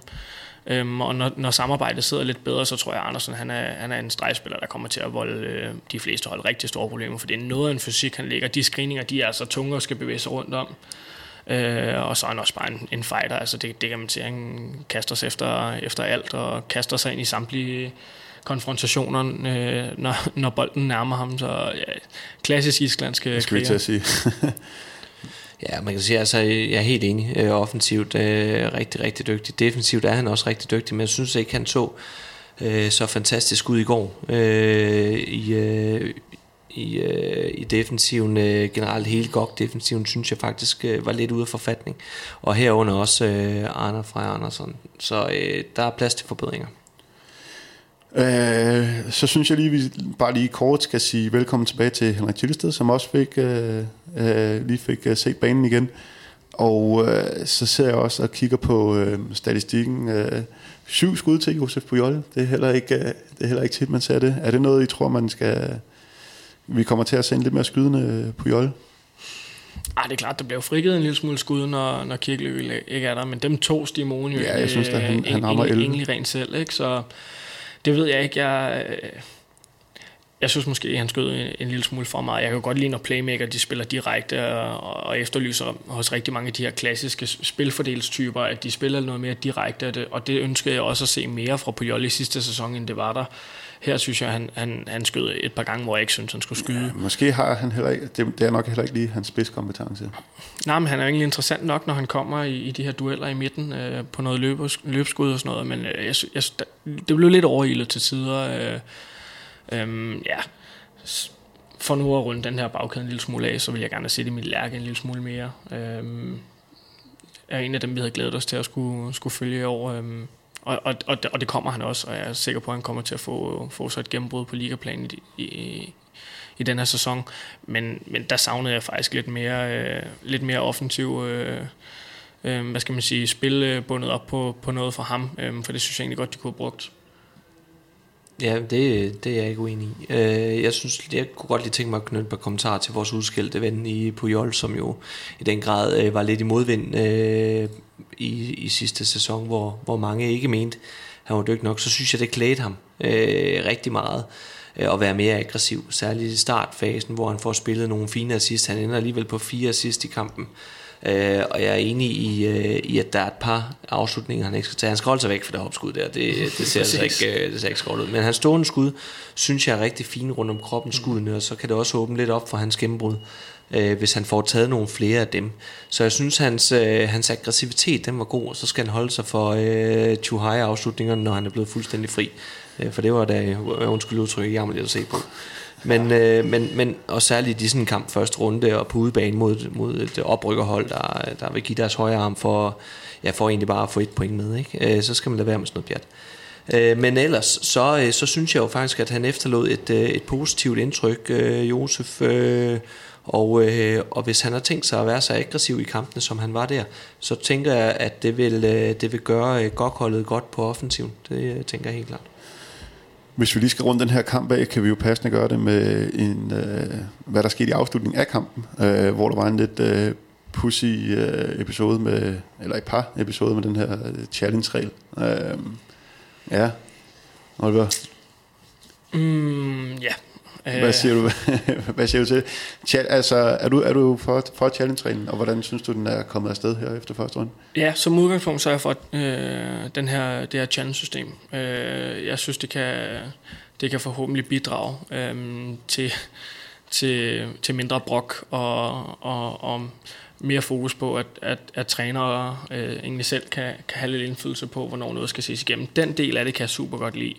Med det sagt, og der synes jeg jo, at den her situation er, er, er med til at, at, at vise, hvad der er udfordringer ved det her challenge-system, nemlig at vi i vores elskede sport har øh, situationer konstant, der er, er skøn. Øh, og jeg ved, at vi har snakket om det her tusind gange, men, men når det er situationer, hvor det ikke er ja, fuldstændig bundet op på, om noget er rigtigt eller forkert, men er en dommer, der skal vurdere, er der strafkast, er der ikke strafkast, er der mas, er der ikke mas, så videre, så videre, så er det jo svært at skal bruge det her challenge-system, ikke? fordi øh, så kan du gå ud og se på en hændelse, hvor begge kendelser reelt kan forsvares, og, og har man så i virkeligheden fundet ud af ens challenge, hvis man selv mener, at, det, at man har ret, men det mente dommerne ikke, fordi det var en skøn situation. Så der, der spår jeg, at, systemet kan blive en lille smule udfordret. Jamen, det er selvfølgelig ikke vandtæt, øh, men jeg synes, at vi, øh, vi kommer, det, øh, kommer det nærmere øh, den, øh, den korrekte øh, dom, kan man sige, den givende situation, som jo kan være øh, Øh, øh, kampafgørende, og det, det, det synes jeg jo egentlig også, at, øh, at det viste i kampen, at det var. øh, da begge træner de, øh, de, de tager en challenge i, øh, i, i kamp, og, og hvor det spidser til i, øh, i slutfasen. Så jeg synes jo egentlig, at, øh, at det var interessant at se det øh, blive praktiseret, og øh, hvordan øh, Per Olesen øh, i løbet af kampen også kunne bruge den. Jeg hørte en enkelt kommentar øh, på, øh, jeg kan ikke huske, hvem med træneren, der brokkede sig, men øh, hvor Per han så spørger, vil du tage en chance?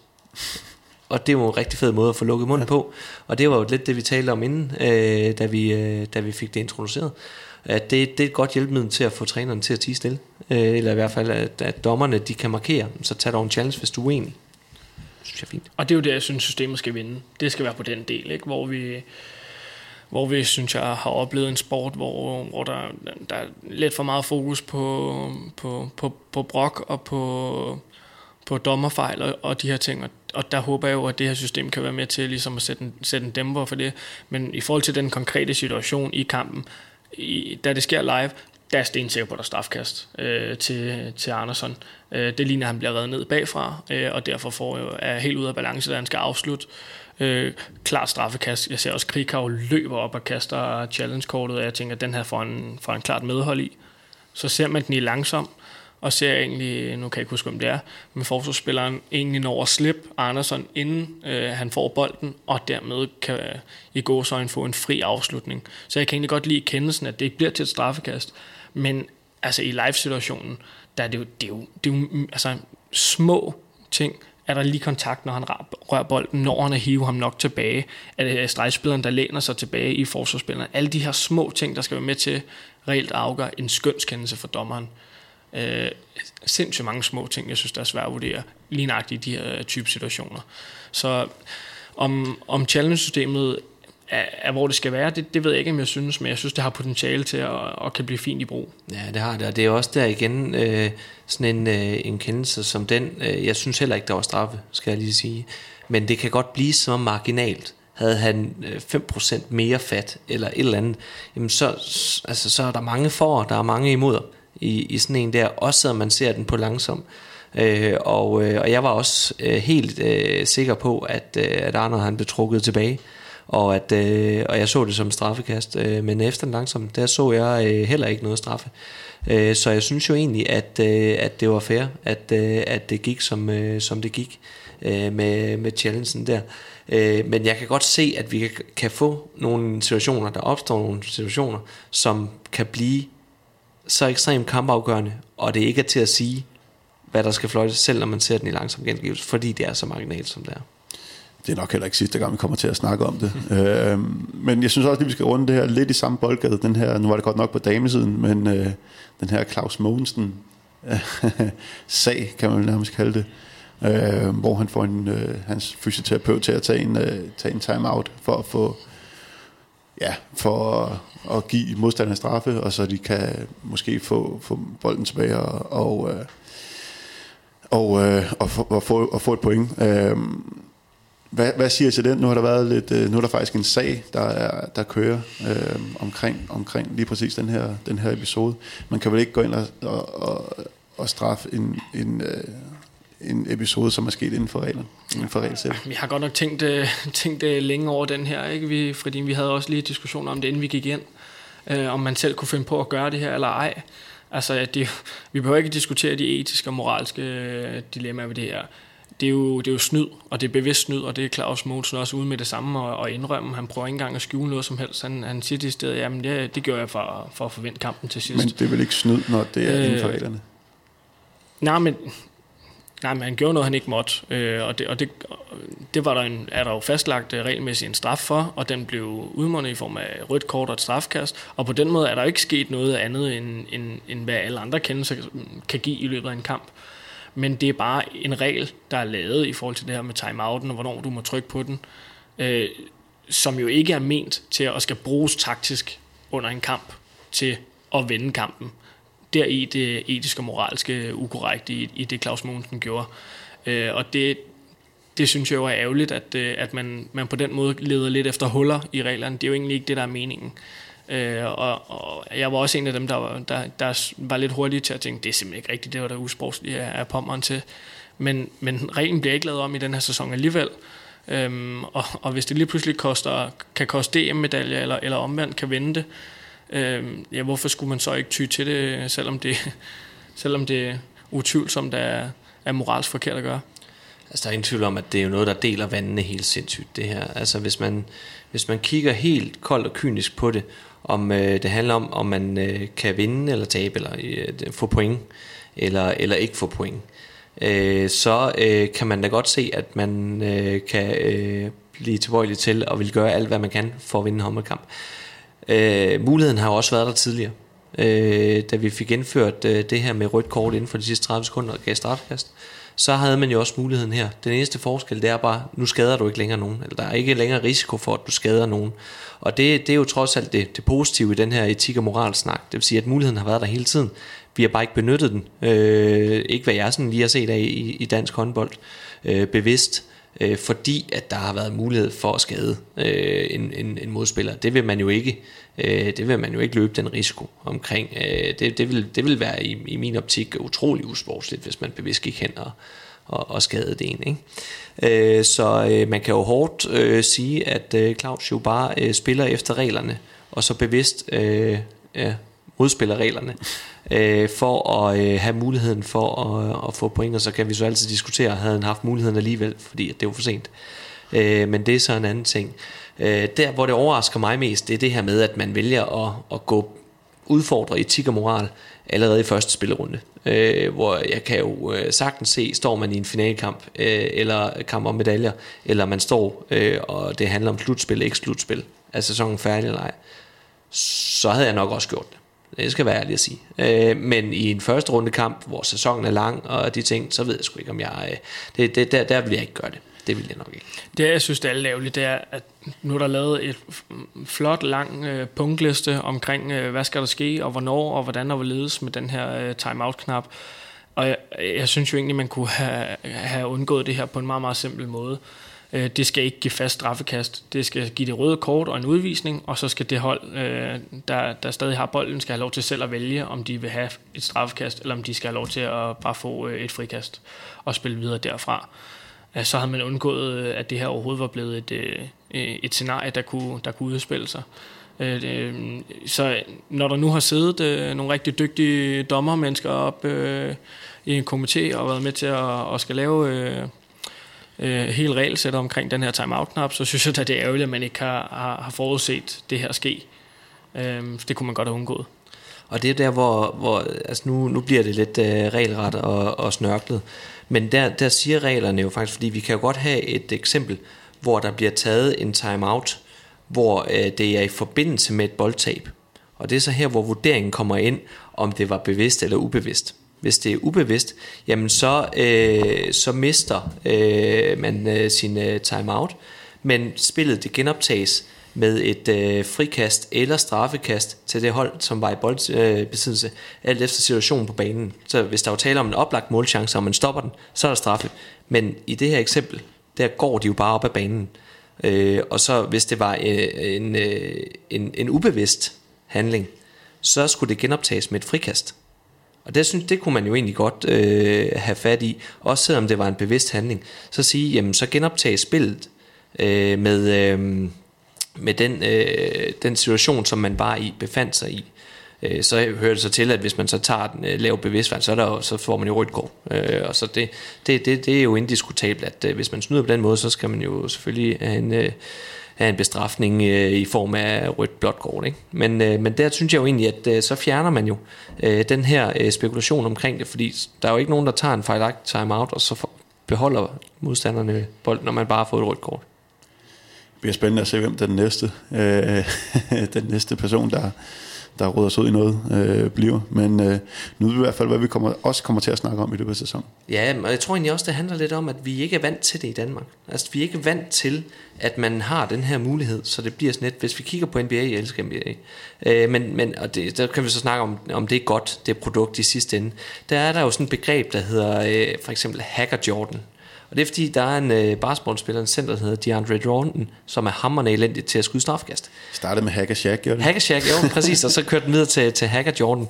Øh, og, øh, og der begynder holdene jo så bevidst i slutfasen at spille på, at de andre skal have et straffekast, så de kan lave øh, måske kun et point, eller i værste fald ikke nogen point, og så har man bolden igen, og så kan man nå at komme tilbage. Mm. Jeg synes, det er elendigt, når de begynder at gøre det i slutfasen, og det er ikke der, vi skal hen i Danmark. Men det er ikke så fjernt. Vi er bare ikke vant til det der, så der er ikke nogen, der bliver sure over i USA, over at man begynder at fejle bevidst. Lad os bare øh, stoppe snakken for den her gang, og som sagt kommer vi nok til at, til at snakke øh, mere om øh, både challenge og, og timeout i, i løbet af sæsonen. Øh, lad os lige prøve hurtigt her til sidst at, at kigge på næste runde, fordi allerede, øh, selvom det kun er en runde, synes jeg allerede, der er nogle, nogle interessante opgør. Øh, jeg kigger, jeg kigger især imod øh, Mors Thy og, og Fredericia. Øh, man kan sige, at Fredericia, det er vel nogenlunde 50-50 kamp måske, efter det vi så fra Fredericia i, i første runde. Øh, Fredericia, der lige pludselig kan stå, hold, der kan stå med fire point som nyoprykker, øh, og efterlade Mors med, med, med 0 point. Øh, måske lidt en, det kan blive en definerende kamp for sæsonen for Fredericia. Øh, selvom det selvfølgelig er meget at ligge på en, på en anden runde kamp, men, men, men trods alt øh, med, med fire point, så ser det rigtig godt ud allerede for dem, for at undgå den direkte nedrykning. Åh, oh, det er meget tidligt at snakke om, men, øh, men med det vi også snakker om i optakten med, at, øh, at der godt kan komme til at ligge nogle hold i bunden øh, med færre point, end de gjorde i sidste sæson, så er det klart at starte med to point mod GOG, og så øh, hvis man kan gå, gå ud og slå Mors Thy i anden runde, så, så altså... Men, øh, men jeg vil sige med det her Fredericia-hold, øh, jeg har dem også til at ligge en lille smule over den her direkte, øh, direkte bund. Øhm, og jeg, øh, om de slår Mors Thy, det ved jeg ikke, men jeg tror, de skal nok få hævet point til sig her og der, specielt i deres stærke hjemmebane hjemme C. Hansen Arena. Øh, men nu tænker jeg også på i forhold til slutspillet. Nå, ja. Ja det, ja, det skal blive spændende at se. Der har jeg dem trods alt ikke helt op, men, øh, men det er klart, står man med fire point efter to kampe, så, så skal man da ikke, øh, så skal man da ikke regne dem øh, helt ud af det, øh, det regnskab. Nej, og de tager jo øh, til Mors Thy øh, top spændt op med selvtillid. Altså, det, de kunne nærmest gå på vandet nu. Ovenpå øh, så flot en, øh, en øh, første runde øh, over øh, DM-sølvvinderne. Så de tager jo til Mors, øh, Mors Thy med, øh, med rigtig god tro på tingene, og kommer til at buller derud af, og øh, det, bliver, det bliver en fed fight, tror jeg øh, på udebane der. Øh, jeg tænker heller ikke øh, slutspil endnu. Dertil så skal vi længere hen, og de skal vise det kontinuerligt, men de er i hvert fald ramt lige røven fra starten af.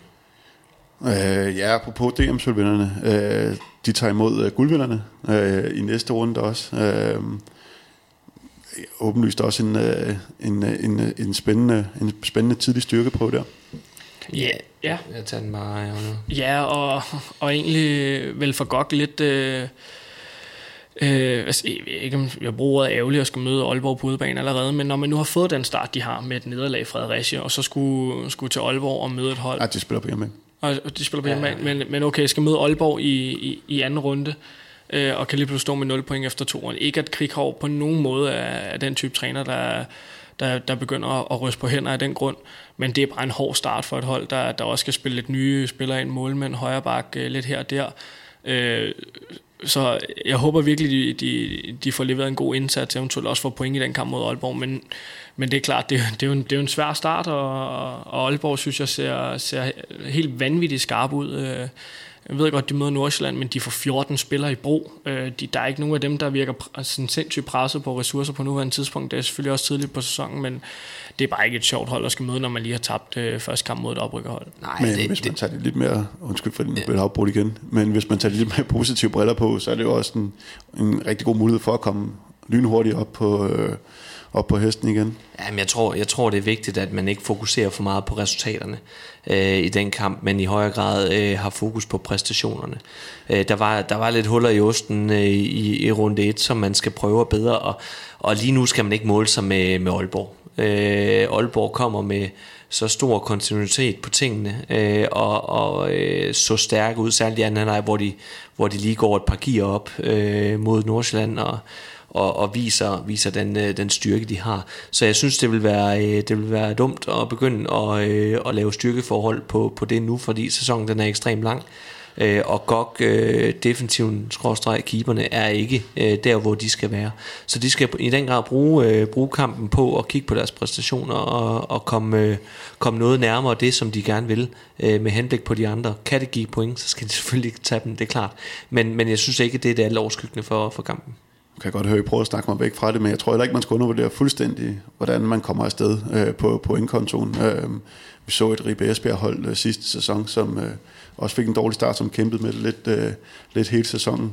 Øh, ja, nu må jeg ikke sige styrkeprøve, men alligevel synes jeg, det bliver interessant at se Ribe Esbjerg mod et øh, formodet tophold også i, øh, i Team Tvis. Øh, hvor, hvor, hvor langt er Ribe nået i forhold til at få lukket, lukket det hul øh, op til, op til øh, ja, det er vel toppen, i hvert fald hvis vores forudsigelse omkring øh, Holstebro skal holde det.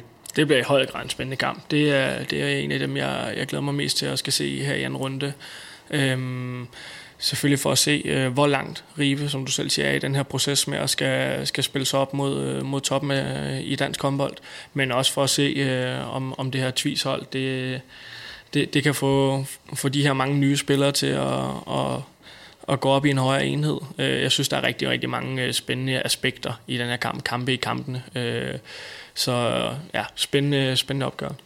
Ja, og så synes jeg, det bliver interessant at se uh, Team Tvis Holstebros bredde uh, mod uh, Ribe Esbjergs manglende bredde, kan man godt sige. Nu havde Gunnar Stein Jonsson jo heller ikke uh, så mange aktioner. Han har jo vist uh, bøvlet lidt med nogle skader. Uh, Øh, så det bliver jo uh, Nikolaj Pedersen. Uh, det bliver uh, uh, rigtig meget tiden. Ingersson havde også nogle, nogle minutter. Uh, det bliver jo relativt få folk i Ribe Esbjerg bagkæden, der skal kæmpe mod ja, 6-7 Team Tvis Holstebro spillere i bagkæden øh, der. Så det bliver jo bredden mod, øh, ja, mod, mod et smalt hold øh, i min øh, bog. Ja, noget vi slet ikke fik nævnt øh, i forbindelse med, med TTH. Nu havde vi snakket lidt om Jonas Porup her i, i, i optakten. Øh, det skal faktisk lige sige som, øh, som sidebemærkning, at han er den eneste tvis-spiller, der scorer de første 10 minutter øh, i, i første runde. Han er god offensivt. Han, han, laver deres første fire, det det, øh, og så tror jeg faktisk ikke, han skyder resten af kampen. Yes, han spiller øh, faktisk ikke så meget mere, så nej, jeg ved ikke, om han blev skadet efterfølgende. Nej, det ved jeg faktisk heller ikke, men, men det synes jeg jo igen øh, fortæller også noget om den bredde, de har. ikke. Altså Jonas På, som er en dygtig håndboldspiller, er en af de få, der præsterer offensivt de første 10 minutter, og så begynder Damgaard og Mækkenborg og de andre ligesom at, at, at spille sig ind. Så ja, vild bredde de har, tvis. Nu handler det om at få det til at gå op i en højere enhed. Det bliver spændende. Men ja, og man kan blive, altså det er jo virkelig mange interessante kampe, og det lover rigtig godt for, øh, for den, her, den her liga. Kolding Skanderborg også øh, bliver også spændende, i, i, både i forhold til resultatet, men øh, også øh, ja, Skanderborg øh, bliver vi lidt klogere på, hvor de er, hvor det bare en one-off mod, øh, mod øh, Bjerringbro. Øh, når jeg kigger ned over det, så er det jo kun Skjern Lemvi, som et eller andet sted giver sig selv på, på forhånd, føler jeg. Øh, selvfølgelig også med Bjerringbro som forholdsvis store favoritter, men mod et sønderjyske hold, som også leverede rigtig flot i første runde. Øh, ja, men øh, det kommer vi til at snakke meget mere om, og være meget klogere på næste gang, vi, vi mødes. Øh, satser på, at vi, vi optager en, når, når anden runde også er, er, er overstået. Øhm, yes, men som altid skal vi lige sende en stor tak imod uh, Sparkassen Kroneland, som giver os muligheden for at lave den her podcast. Og så kan jeg sige til dem, der er interesse i damehåndbold, at uh, I spørger meget rolige. Uh, øh, Johan Strange, han sætter sig ned i, i næste uge og optager en udsendelse. Og så ved jeg, at han også har en aftale med Josefine Torej om at lave en uh, lille special omkring, hvad hun uh, render og laver i de her, de her dage. Og ja, som sagt sætter vi os også sammen efter næste runde. Så hold øje med jeres podcast feed, og tak for i dag.